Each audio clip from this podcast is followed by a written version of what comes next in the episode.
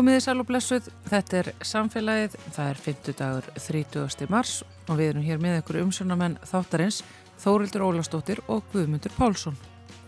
Við viljum að fórveitnast um jarðgangagerð í tilefna því að innviðar á þeirra ætlar að skipa starfshóp sem á að kanna möguleikana á gerð jarðganga til Vestmanæja. Freyr Pálsson, sérfræðingur vegagerðarinnar í jarðgangagerð ætlar að spjalla við okkur um jarðgung á eftir. Við ræðum við Láru Jóhannsdóttur, professor í umhverjus og auðlindafræði við Viðskiptafræði til Háskóla Íslands um rannsók sem hún og fleiri gerðu á áhrifum COVID-19 faraldursins, faraldursins á vestfjörðum. COVID geysaði þar náttúrulega eins og annar staðar, ofinnilega skæði oft veiran á því svæði um tíma. En eh, þessi fámunu samfélög sem þar eru tóku áskorununum og erfileikunum á eftirtækta verðan hátt og svona, tóku það fyrir á aðtilsverðan hátt og leti, rannsókn leti þetta í ljós að segla og aðgangur að náttúru hafi verið mikið líkil atriði til að koma sér yfir þennan erfiða hjalla sem COVID var. Við ætlum að fræðast meira um þetta hér oftir. Svo eru umhverfispistill á sínu stað og það er Inga Höld Ármann hjá ungum umhverfisinnum sem flyttur okkur hann. En við ætlum að byrja á jarðgöngum.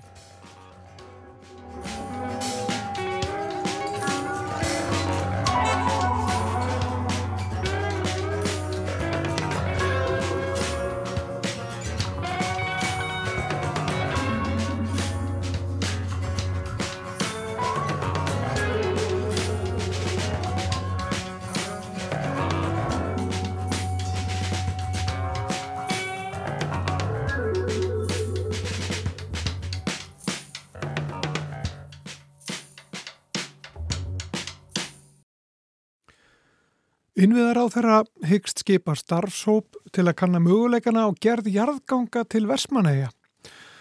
Og það verður eitthvað verið skoðað áður, en nú er samst að kanna kostina sem koma til greina og okkur í samfélaginu langaði að fórveitnast um uh, hverju þarf að huga að þegar ráðist er í slíkar framkvæmdir. Freyr Pálsson er sérfræðingur vegagerðarinnar í jarðgangagerð og hann er sestur hérna hjá okkur.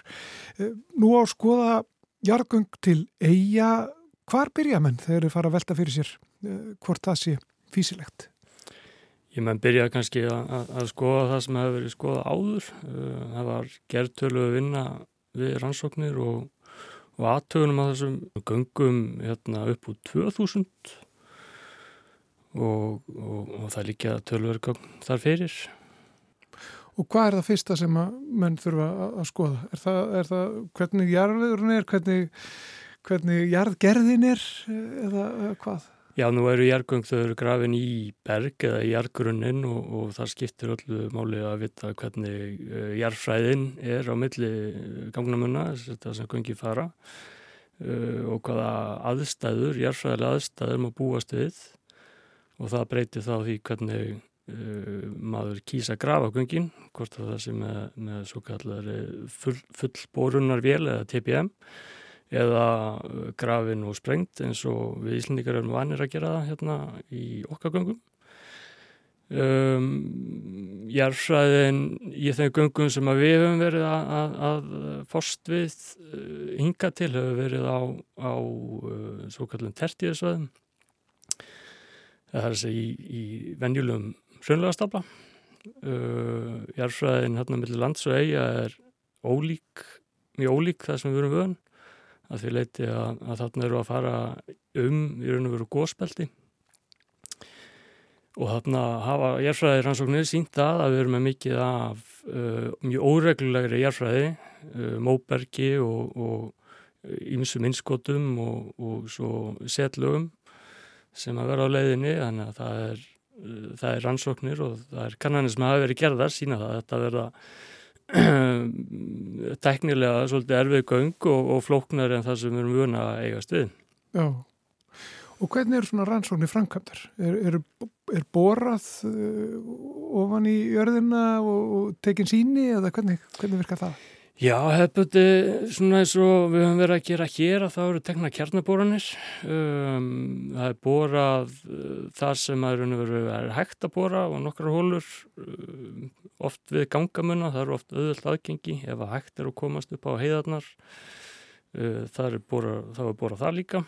Uh, það eru teknir upp kjarnar uh, síni, síni af jarðveginum og svo er uh, þessi þessi síni tekin og búin til jarlagasnið og, og reynda tengja saman hólur og búa til jarlaga líkan af því sem að maður býst við að komast í gegnum með jargangin. Sem sagt, uh, reyna átt að segja á hvað þetta er sem að maður að fara að grafi í gegnum. Já. Í vestmanniðagöngum og þar hafa verið gerðar uh, svona bylgibrótsmælingar og, og, og endurvarpsmælingar um, af því að það er erfitt að koma með bór á sjó og gera svona kjarnahólur. Uh, það er mælinga, það eru ekki eins nákvæmar en, en, en gefa mynd af væntalegri jærfræði sem að menn svona búast við að geta farið uh, þarna milli. Uh, ég veit ekki hvort að það hafi verið gerðar kjarnahólur hérna fyrir þessi göng en, en þetta er náttúrulega ekki ólíklegt flækir að máli mikið að þannig er farið undir sjó.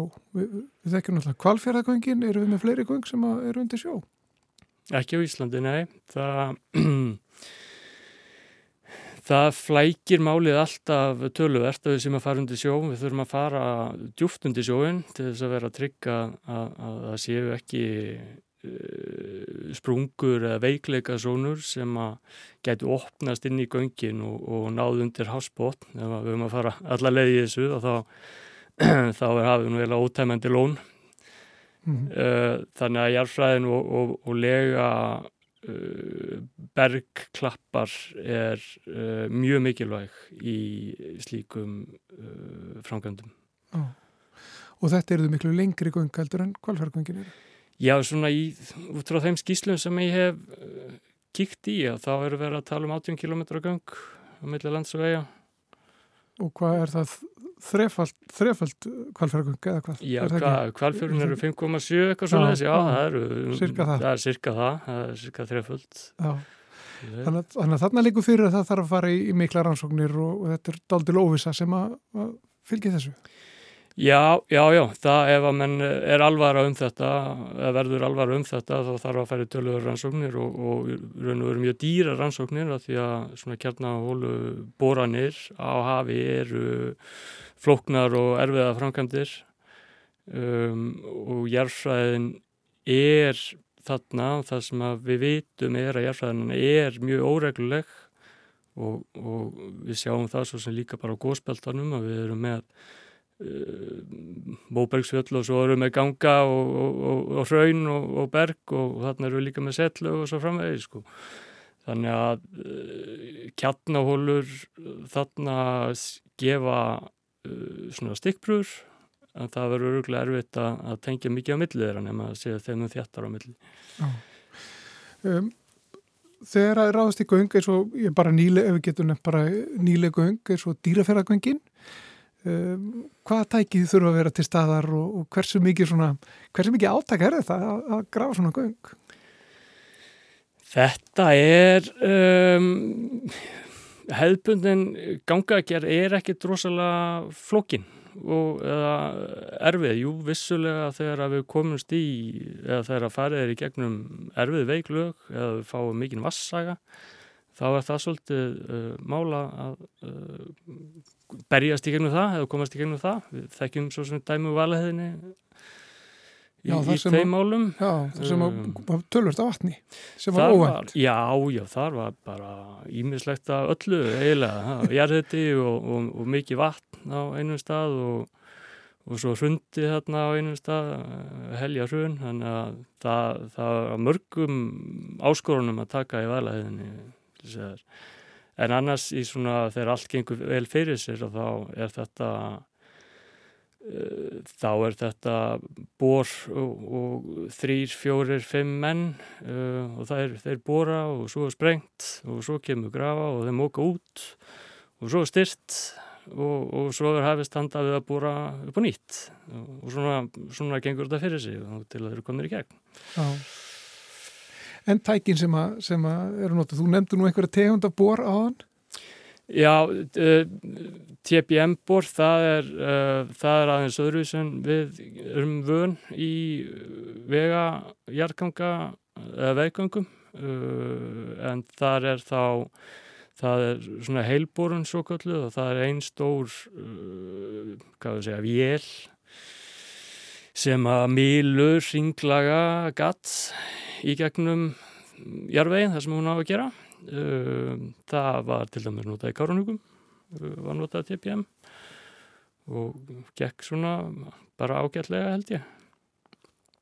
En hvernig tækja hafa verið nótuð núna undarfærið eins og í, í dýrafjörðagöngin áðan og, og, og valaðiðina? Já, þar eru við að nota svona annars konar bor uh, sem að borar fullt af litlum hólum, 5 metra hólur í stafnin og svo eru þessar hólur fylltar af sprengjefni og svo er þetta sprengt og svo er, já, mókað út og styrt Þannig að það er, það er bóra á alltaf unnum toga, það er svona meira eins og skotbóra en getur bórað lárétt, þess að segja.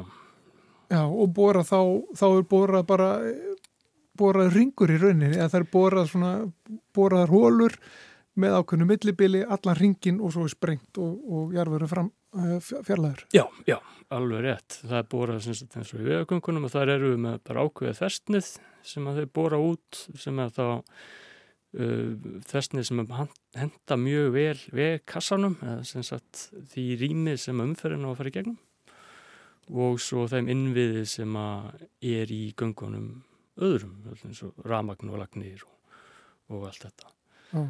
Uh, svona heilborun og þá ertu, þá ertu bara með ring, ringlaga borf þessni verður þannig að þú notar þá hluta því sem uh, hvað við segja endalett mannvirki og, og, og botnin er fyllt þá með, með möl. Já.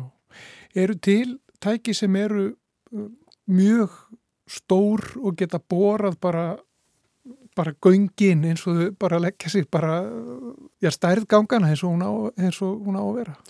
Já, það er, það er gert með svona, svona heilbor eða TPM, mm -hmm. uh, Tunnel Boring Machine, heitir það einsku og, og það týðkast við það í Evrópu og, og mörg af göngunum sem eru bóruð til dæmis undir Alpana eru bóruð með slíkum vélum uh, þetta eru mjög stórar og, og fullkomnar vélar sem eru mjög góðar í, í svona uh, undir mismundu aðstæðum um, og geta unnið nokkuð hratt fyrir sig en það er þetta, þetta er heljarinnar fyrirtæki vélinn og, og hérna, mikil mannskapur hérna, sem að sem að servicerar og, og, og keri vélina.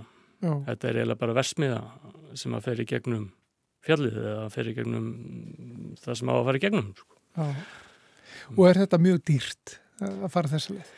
Það, það bara veldur allt á konsepti, hvernig hvernig hérna, hversu mikið menn sjá fyrir sér að þurfa að styrkja, hversu mikið þarf að, að klæða göngin uh, og svo framvegs uh, eins og göngin í okkur á Íslandi veðgöngi þar, þau eru frekar svona svona, hvað við segja, slim. Það er ekkert rosa mikill viðbúnaður að steipa sem fer í þau, það bara fer eins og þarf. Uh, í sumgöng eru, eru heilklætt eða sum, sum svona TPM göng eru þá heilhætt og það eru steiftar einingar sem eru sem eru, sem fylla þá festniði á bakvið sig sem strekkina frá, frá gólu og upp í topp. Uh, og það fer mikil steipa í það en, en þá ertu líka komið styrst göng og oft uh, vassalt göng í, í gegn uh, það væri kannski eitthvað sem að myndi sjá fyrir sér í, til eiga Hvernig er þekkingin hér á Íslandi í, í jarganga gerð? og, og, og borun og þessu öllu saman. Er, eru, eru fyrirtæki hér sem eiga tæki sem getur ráðist í svona framkvæmdur eða þetta alltaf, kemur þetta alltaf að utan? Sem segja sko að ráðgjafa og verkfræði þekkingin og það er mikið þekkingi á verktökunum líka uh, að uh, veðgöngum uh, ráðgjafarnir okkar hafa margir unnið líka í Noregi og aflað sér enn meiri þekkingar þar og, og, og reynslu uh, til viðbúta við þau göng sem við höfum verið að, að hérna, hafast við. Um, það hefur verið síðustu ár og síðustu göng að þá hafa útlendi verktakar komið og, og grafið göngin með mannskap til þess að grafa göngin og velar. Uh, Íslendingar hafa oft verið með útlendingunum, sagt, verið svona samvenuverkefni, tekja verktaka, annar útlendur og annar Íslendingur, íslenskur og þeir hafa þá meira séðum við að gera þeirna fyrir utan, utan göngin og kannski útmókstur. En við höfum raun og veru ekki byggt uh, það ört þau jargöngu okkar til þess að það hafi verið raunverulega grundvöldur fyrir verktaka að fjárfesta í slíkum búnaði og, og kennslu á mannskap eða að halda mannskapi með þá sérfræða þekkingu að grafa göngin. En það eru vissulega íslendingar sem að kunna að grafa og sprengja göng og, og, og hafa gert það hér áður bæði hérlæðis og og unnið nú rey við, við þá yðin. Hverjir eru fremstir í, í jargangagerð? Eh, það eru nokkur lönd sem að, já kannski maður ímynda sér að standi framar en önnur. Eh, þú nefndir Noreg, eh, þeir kunna þetta fag ágætla. Alpana nefndir þú líka á hann? Já, Uh, normenn eru, eru mjög, þeir graf mjög mikið, þeir eru mjög góður í, í því og, og gera góða staðla sem við fylgjum meðal annars. Östuríkismenn eða sem sagt þeir við, uh, hvað var að segja, Alpana og, og, og vísvegurum Evrópu eru, það er mjög mikil og góð þekking líka. Við höfum leytast meira kannski til Norvegs að því að þeir uh, hafa gert hlutina, þeir með kannski betra berg uh, gert hlutina oft uh, svona ódýrar kantinum eins og við viljum hafa en það er, það eru mörglönd sem eru góð en, allavega það sem er veilítum til og það er, það er Noregur svolítið, það er, eru mjög framæla í þessum málum. Betra berg, hvað áttu við með því? Jú, það er berggrunnurinn, hann skiptir tölvörumáli eða jærgrunnurinn sem við förum í gegnum Uh, við erum alveg frábröðin Noregi með það að, að Noregur er á hérna, meilandskorpu mjög hörðu hörðu bergi sem hefur áður verið á margra kilometra dýpi. Hart og þétt. Uh, þetta er ekki svona til dæmis í Ölbónum þar sem að, að við erum með fellingafjöll og, og, og hérna það er aðeins opnara en, en vissulega aðeins líka menn á Íslandi að þá eru við með mjög út uh, land érfræðilega séð uh, og segja, grópnara, opnara það er svona aðeins floknara uh, og fer mjög mikið eftir landsræðum hver við erum Já. hvernig, hvernig uh, það er að grafa hérna En hvað skiptir miklu máli hættan á á reyfingu, á, á jarðræringum. Er það, e, eru staðir á Íslandi þar sem að mann myndu bara ekkert grafa göng vegna þess að, að hættan á, á jarðræringum eru mikil eða? Um, já og nei sjálfsagt. Um, þú ert alveg tryggur inn í göngum í jæðskjálta. Svo lengi sem að ekki, þú ert ekki í jæðskjáltasprungunum sjálfur.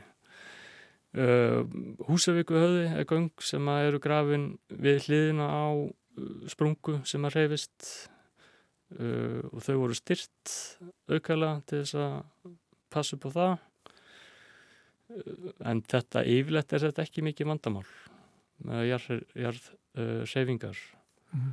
ekki nema að, að þú sért á þannig svæði sem er mjög aktíft og, og þú ert kannski með eitthvað ofanþví sem að þú vilt ekki fá niður eins og mikið vatn Já.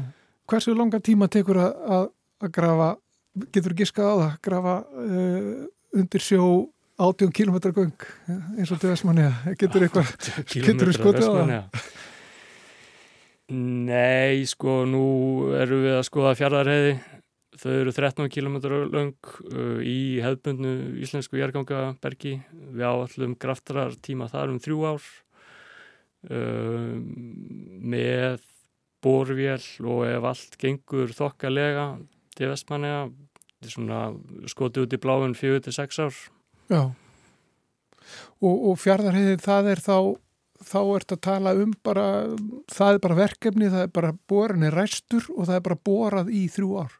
Já, þegar að það hefst. Já. þá er borað frá sikunum stafninum í þrjú ár uh, og þá ertu komin í gegn og þá hefst eftir vinnan og hún tekur önnu þrjú ár. Þannig að þetta eru uh, laungöng, þau taka langan tíma Já. í framkvæmt Þetta eru meira áttar þetta eru meira áttar verk að gráða svona göng Já, þetta eru, þetta eru meira áttar verk og, og, og tímafregg og, og dýr þetta eru dýrustu samgöngumannverki sem við erum að, að eiga við í okkar samfélagi Já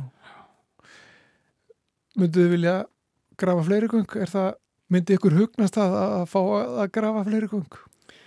Já, er, er, er það, þú veist, myndi það bæta hér samgöngur gríðalega og, og viðhald og allt slíkt frá ykkar bæður?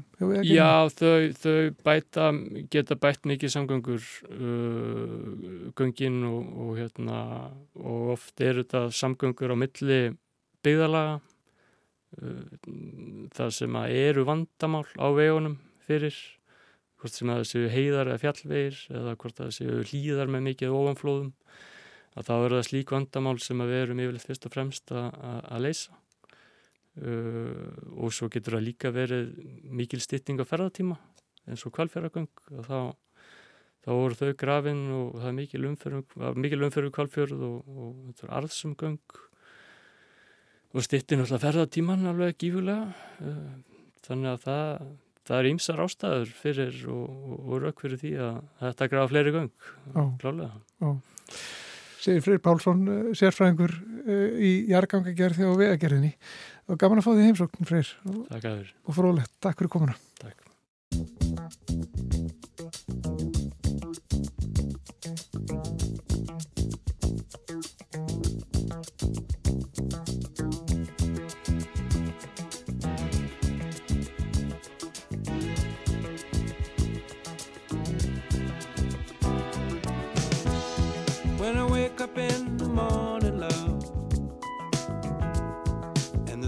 sunlight hurts my eyes.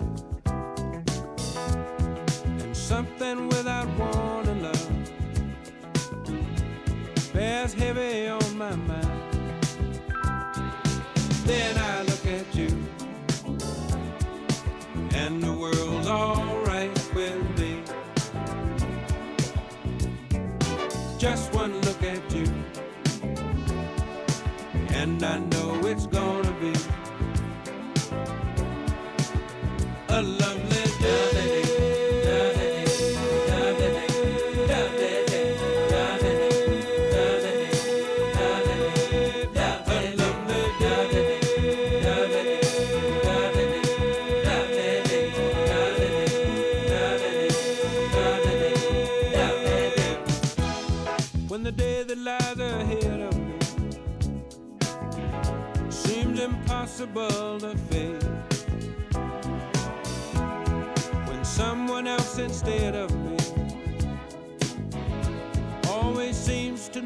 away.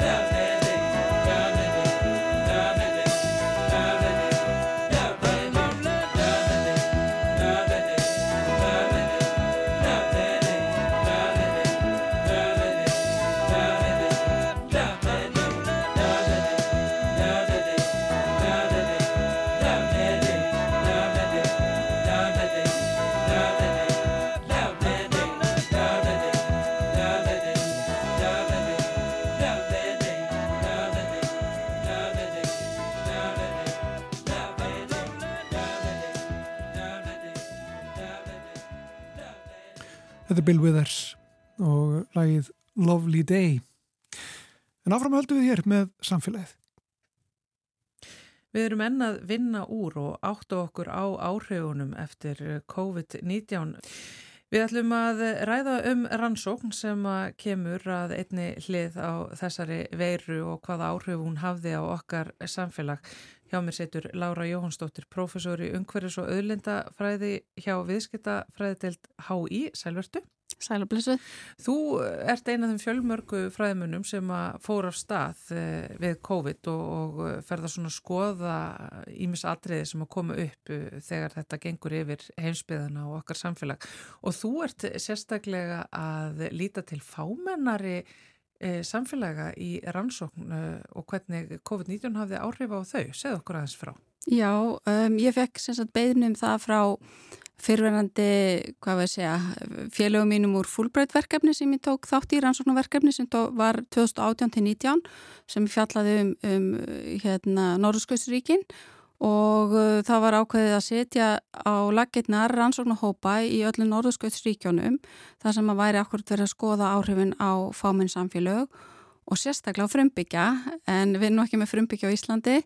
Þannig að okkur langaði þá að skoða áhrifin á einhverja fámenn samfélög og veltum fyrir okkur hvað væri best að bera niður. Mm og komist að því að það væri mjög áhugavert að fara vestur uh, vegna þess að uh, vestfyrðir lendu ítla í, í fyrstu bylgu faraldusins og en í þessu, ég var sérst ekki einn að vinna þessar rannsókn, heldur var með Dr. David Cook með mér, hann er samstagsfélagi minn úr umhvers og svo settum við saman teimi og þegar við vorum búin að taka ákverðin um að fara vestur að þá fengum við góðan stöðning frá háskólasetri vestfjörða sem hjálpa okkur við að finna viðmælendur til þess að taka viðtöl við í okkar rannsókn.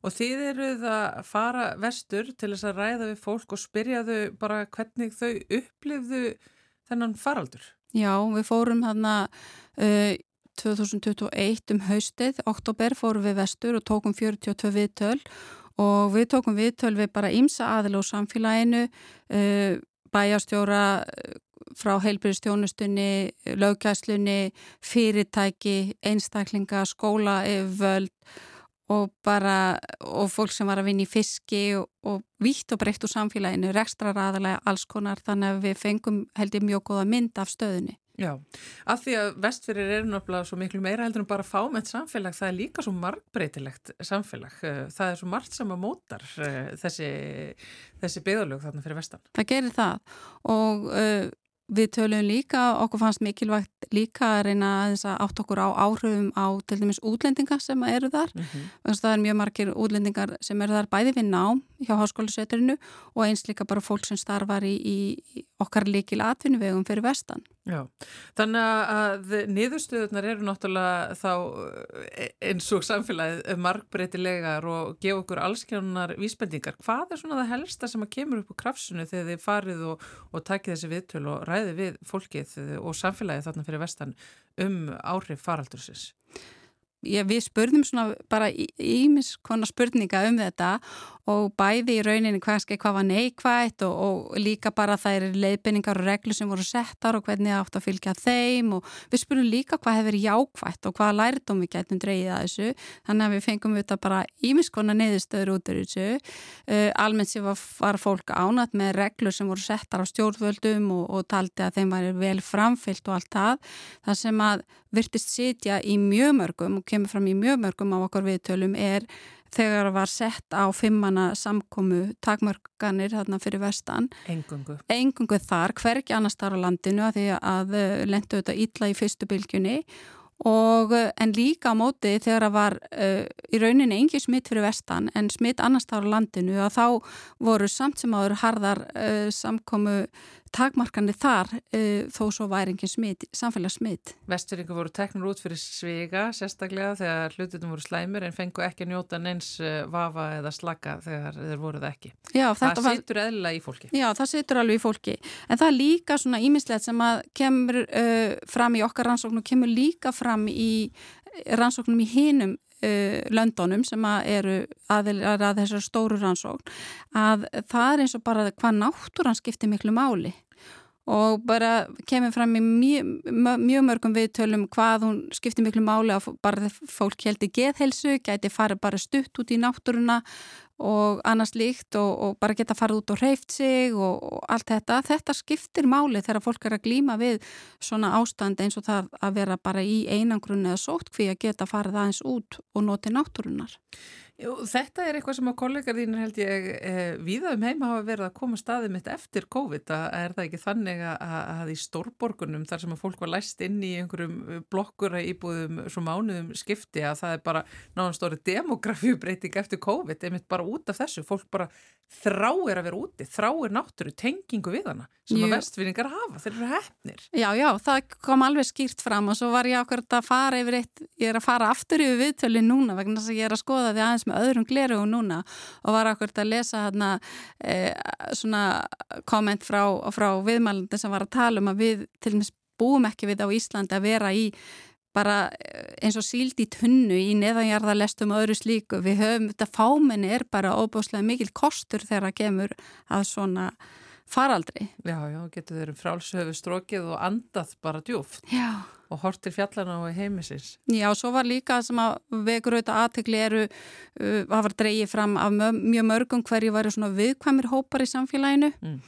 og þá var aðalega verið að tala um yngsta aldursópin, börn og unglinga og áhrif faraldusins á þau en líka elsta elstu þegnana í samfélaginu og þá sem að urðu kannski ítla fyrir barðin og einangrun gamalt fólk sem var einangrað og rauninni jafnvel erfiðara hjá fólki sem bjó eitt heldur en fólk sem var inn á hjókrunægimilum þegar það gætt haft einhver, einhver samneiti sín á milli en fólk sem bara bjó eitt og mátt, mátt enginn heimsækja það, það var í rauninni mjög erfitt. En svo var líka dreygin fram áhrifin á útlendinga sérstaklega sem að búa þarna sem hafi ekki sama félagslega net og aðrir. Og það kom líka bara til dæmis uh, þegar kom upp faraldur sem að, að kannski ykkur smiti kringum um, nefnendur og annars líkt að, að það, ef, ef það kemur smitin í hóp að kannski búa margir nefnendur saman og þröngt þá var mjög erfitt að finna húsnaði vegna þess að það var ekki svona sótkvegarhótel eins og í bænum eða neitt svoleiðis þannig að það voru bara svona húsnaðismál og ímislegt þess áttar sem kom fram sem að uh, var kannski ekki vandamál annar staðar. Já, það er að verða alveg svona sérstök vandamál og hliðar á faraldrinu sem að skapast í aðstæðum eins og eru þarna fyrir vestan? Það, það getur verið en það líka var svo margt jákvæmt þreyið fram já. Uh, af þeim sem við töluðum við en, en sérstaklega kannski ef það er húsnæðiskortur og þá er það vandamál ef það búið þraungt og það er sérstaklega hjá þeim sem hafi ekki félagslegt net og hafi ekki aðganga sumabústað eða einhverju öðrum lausnum sem kannski Íslendingar hafa. Mm. Uh, þannig það voru ýmislegt svona sem var dreyið fram. En hver er þá niðurstöðan? Er þá fáminnið styrkleiki eða veikleiki í faraldrum eins og COVID-19? Það var eiginlega hvort vekja að dreyja fram sem styrkleiki og veikleiki. En hvort verður ofur og eða þú ættir að velja? Já, það er góð spurning. Ég held ég myndi nú segja að við hefum fengið meira af jákvæðum svörum varandi það heldur neikvæðum. Já og það var þessi hjálpsemi og, og það að, að þú veist hvernig nágrannanu líður og, og það allt saman sem að kemur fram og þú hefur ágjör á honum og reynir kannski að létt undir og, og það allt saman. Uh, en það líka til dæmis ef það kemur upp og við sáum það bara í þættinum storm fyrir þá sem hafa séð þann dátt uh, ef það kemur upp smitt og það, það kannski detta margir út til dæmis að vinna á sömu stopnun eða annars líkt að þá er fámennið uh, erfi, skapar erfileika vegna þess að þá þarf þetta að fá utan og komandi aðstóðlega geta rekið hvort sem það er hjókrunarheimili eða e eitthvað segjum bara lögæslu eða eitthvað annað ef að kannski eru einni eða þau sem smittast og svo eru margir komin í sótkví eða einangrun út af einu smiti eða tveimu smittum mm. og, og það skapar auðvitað vandamál í litlum eða fámennum samfélögum um, en enga síður það var þá bara veittur stöðningur annar staða frá. En, en svo auðvitað var ímestið sem kom upp á eins og bara með veður og kannski erfitt bara að koma til með sínu í bæin eða, eða hvað það var eða sækja veist, það sem að, að þurfti til þess að aðstók hvort sem það var fólk eða eitthvað annað. Já, já. Þannig að hvort sem að innviðarnir eru félagslegir eða kerfislegir þá, er, þá reyndir náttúrulega veiran á, á þetta allt saman uh, og, og, og einmitt það er svo skrítið við hana því að hún hafði náttúrulega alveglar afleðingar en hún lifti líka sko, styrkleikunum svolítið upp á yfirborðið. Algjörlega. Þannig að þú veist að segja þessum viðtölum að, að vestfinningarnir sem ræði við sáu líka kannski hluti mjög skýrt sem að, að þeir hafðu bara ekki vita að, að væru hluti af þeirra samfélagi. Já, svo var líka bara margt í ákvæmt sem var dreigð fram eins og til dæmis bara áhrif á vinnu hjá fólki. Mm. Uh, margir gáttu bara þá í staðs að þurfa að fara á fundi til, til Reykjavíkur, þá voru fundir, þá voru bara fundna lausnir og allt hinn voru komna tækni lausnir sem var ekkert að nota áður eða var kannski erfiðar að knýja fram einhverja eh, fjarfundi og annars líkt, allt hinn voru bara allir farnir að vinna uh, og leysa máli með fjarfundum og slíku og, og í rauninni kannski flýtti fyrir ákveðni þróun, allavega var það að dreyja fram sem ákveðin breyting á samfélaginu mm -hmm. að geta leist mál á annan hátt og því að fyrir þá sem eru kannski að fara frá vestfjörðum í bæinn til þess að fara á fundi þá kannski tekur þetta einn til þrjá daga eða minnstakosti já, já. já allavega meirin einn dag í flestum tilveikum sem að kannski var þetta stíkt já, akkurat og svo er kannski ekki alltaf flóið og, og það allt saman þannig að Þetta var talið jákvæmt vegna þess að fólk gata bara varið meiri tíma með sínum nánustu eða þurft ekki að ferðast. Já, og þá er mitt eh, verður náttúrulega það að velja sér að búa fyrir vestan veist, hérna, sem er veist, eitthvað sem að dregur fólk til þess að gera þess að geta unni hvar sem er að þá einhvern veginn getur notið eiginlega svona besta úr báðum heimum Algjörlega, mm. þannig að eins og segi það var bara svo margt jákvæð sem var dreyið fram auðvitað líka bara alls konar áskoran, er ekki að segja það en, en það var líka bara margt og, og við höfum notuðum svona bara svona ímisk reyningatól til að skoða gögnun okkar og við skoðum líka bara áhrif á rekstur fyrirtækja og skipilasheilda og hvort að hefði verið einhverjum svona plön til staðar áður en að faraldurinn skall á og, og þá bara hvernig uh, var hægt þá að takast eða klíma við faraldurinn og, og hvort að við hefum dreyið einhvern lærdom af því. Og það voru líka bara skemmtilega lausni sem komið fram eins og til dæmis þegar að rauninu var leift að halda segjum bara hérna svona vinslu uh, opinni með því að, að skipta starfsfólk upp í hópa og ein lausnin til þess að aðgrina á milli hópa því þið mátum ekki nota uh, mötuneyti á sama tíma og svo leiðis að þá voru bara fengið svona hárnet í mismundi litum. Þannig að það var lágulega alltaf ljóst fyrir hverju var í hvaða hóp og var ekki blöndun á milli hópa. Þannig að suma lausni sem komið fram voru bara mjög áhugaverðar og einfaldar og ódýrar en mjög skilvirkar. Já, þegar maður talar um COVID-19 að þetta var svo hræðilegu tími og erfið fyrir marga og eru margir ennþá í sárum eftir þetta og, og gerðust hræðilegir hlutir en að skoða þetta og leifa sér að skoða þetta veist, eins og til dæmis það sem að byrtist í þessu rannsókn ykkar, litla dæmi þarna á vestfjörnum sem að, veist, var samfélag sem var ítla út úr veirunni en, en, en líka einhvern veginn fekk að reyna á alla styrkleika sína og alla segluna og allt úthaldið og, og, og, og kemur þá jafnvel stert út, út úr þessu. Veist, fær, fært aldrei að sjá virði sitt Já, það kom líka fram til þess bara um varandi seglu samfélags, uh, samfélagsins uh, fyrir vestan var líka bara oft hafa verið hræðilegra atbyrðir hvort sem það er snjóflóð eða, eða sjóslýs eða annað að það býr segla í þessum samfélögum mm -hmm. og margir sem komu inn á það að þá seglu sem bara er í samfélögum til að takast á við vandamál þó að önnur vandamál hafa verið að öðrum toga þá enga síður er þetta svona kjarnin í fólki að geta glýmt við vandamálinn þegar þau komu upp og hugsa í lausnum og og slíkt, þannig að það var í rauninu mjög margt jákvæmt sem kom fram, auðvitað var líka margt sem var erfitt sem fólk var að draga fram og, og lísti bara sínum sögum, reynslusögum uh, í kringum þetta mm. en eins og segi það líka hægt að draga mjög marg, góðan lærdom af þessu. Af því að þetta er eh, svona rannsók sem er víða, er, er, var þetta dæmi, okkar dæmi hérna á Íslandi að vestfjörunum, er það svona sambarlegt við það sem var að koma út úr hinnur rannsóknunum eða eh, var eitthvað svona alveg sérstakt, sér Íslands, sér vestfyrst?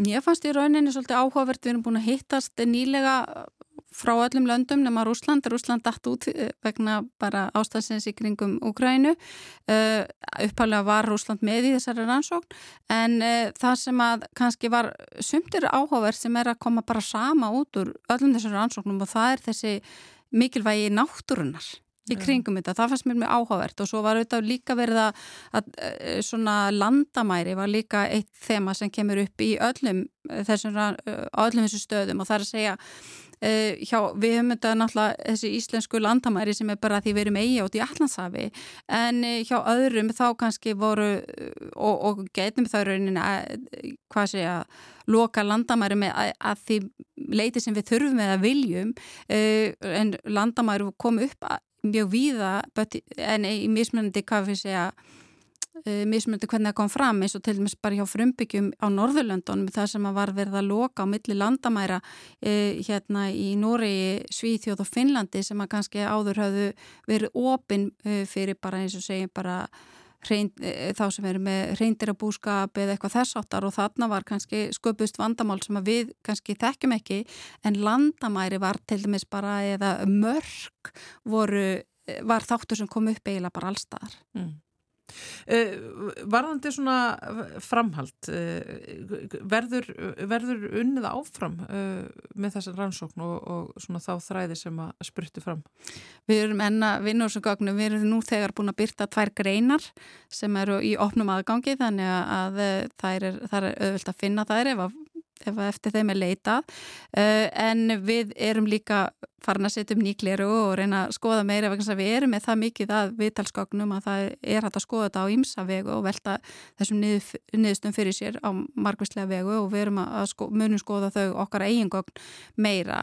Auðvitað getur þetta líka bóðið upp á framhalsrannsóng síðar kannski vegna þess að ég held að tímapunkturinn þegar við tókum við Linn var góður.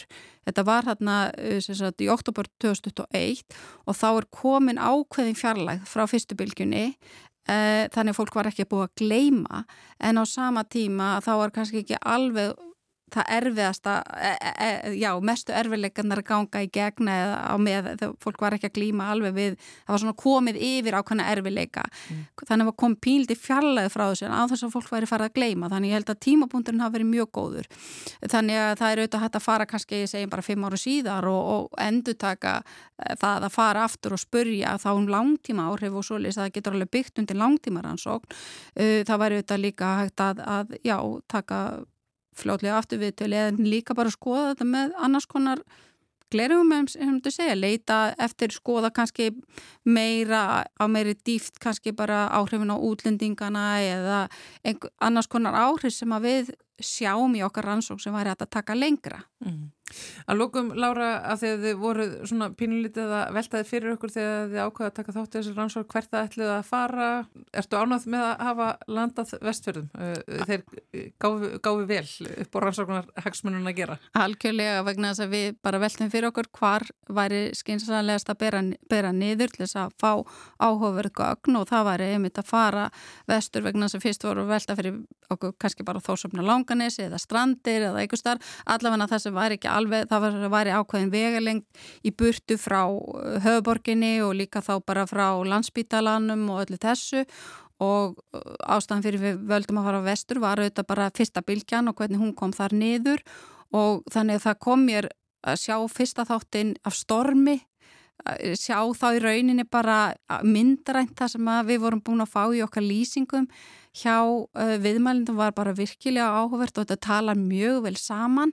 Um, það sem við kannski spurðum uh, að, sem að var ekki í stormi að því þeir voru bara að horfa ástandið eins og það gekk yfir í þeim tímapunkti var þetta jákvæða og þessi segla og allt hana sem kemur fram í okkar rannsókn sem er þátti viðbútar við það sem við getum hérna, sjáum í þeim þætti og ég held að þetta sé bara alveg óbúslega mikils uh, virði þessar upplýsingar bæðu okkar rannsókn og, og þeirri myndrænu kortlækningu sem átti sér staði þeir sem þáttum bara fyrir Íslands samfélag upp á framhaldið ef við þurfum aftur að taka stáði svona bylgjur mm. að eiga þessar upplýsingar til Já Við getum allan öll tilenga okkur segluna í vesturingum. Það er alltaf eitthvað sem ég sé strax að sé eitthvað til mikillara eftirbreytni.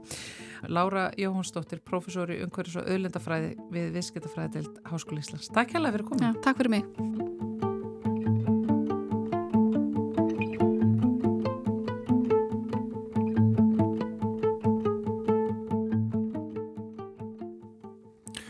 Og þá næst komið að umhverfis pistli. Það er Inga Huld Ármann sem flytur okkur hann. barn tekur djúpan andadrátt í feska morgunloftinu með að röldri í skólan í gegnum trjáróðurið og hlustar á fugglana syngja. Því þykir best að njóta ósnortnu náttúrunar á leiðin í skólan og fylgjast með fjölbreyttu dýralífinu taka dans við náttúruna. Inn í kennslustofunni læri það um hafið og grænur skjálpuguna sem lifir í hitabeltinu. Barnið horfir út um gluggan og hugsa með sér hvað það sé þakklátt fyrir að morgunlofti sé fest og ómengað. Að skólinn eigi ekki lengur í hættu á skóla spurt með flóði og það geti lært um grænu skjálpuguna upp á alls dýri sitt. Dýr sem lifir frjálst í hafinu í stað þess að vera útrýmt vegna hækkandi sjáarhita. Það var þakklátt fyrir að fyrir 40 árum tók heimurinn höndum saman og hlustaði á viðvarinni vísindamanna, virtu mannréttindi og réttindi barna og hóf rótækar lofslasaðgeðir. Þann 20. november 1959 samþyktu samnu þjóðanar yfirlýsingu sem fjallar um sérstöku réttindi barna. Þegar heimurinn var jafnast eftir setni heimströldina var ljóst að börn varu gríðarlega viðkvæmur hópur sem þyrtu sérstök réttindi og vernd. Yfirlýsingin læði grunn að mannréttinda sáttmála um réttindi barna sem er nú þekktur undir heitinu Barnasáttmáli samnu þjóðana. Sáttmálinn er undirritaður af öllum ríkjum heims, nema bandaríkjanum, og hefur hann verið lögfestur á Íslandi sem þýðir að hann ber sömu vikt og öll önnur Íslands lög. Í barnasáttmálunum er að finna lista yfir réttindi barna á sem skýrum upplýsingum um skildur stjórnvalda varðandi það að tryggja þeim farsæla æsku. Sem dæmi um réttindi sem eru tilgreind í barnasáttmálanum eru vernd gegn ofbeldi og brotnámi ásamt aðgengi að mentun, næringu, fötum og örugu heimili og ávalt skuli gera það sem er barninu fyrir bestu. Einni greini sáttmálinn frá því að stjórnvöld skuli gera allt í sínu valdi til þess að sjá til þess að öll börn njóti réttinda barnasáttmálans. Þó mér finnist gífurlega erfitt að gera upp millir greina sáttmálans er mín uppáhalsgrein nr. 12 og hljóða svo. Aðildaríki skulu tryggja barni sem getur myndað eigin skoðanir rétt til að láta þær frjálslega í ljós í öllum málum sem þau varða og skal tekið rétt með tillit til skoðana þess í samræmi við aldur og þroska. Greinin tryggir sem sagt rétt barna til þáttöku og að það skuli hlusta á þeirra rattir.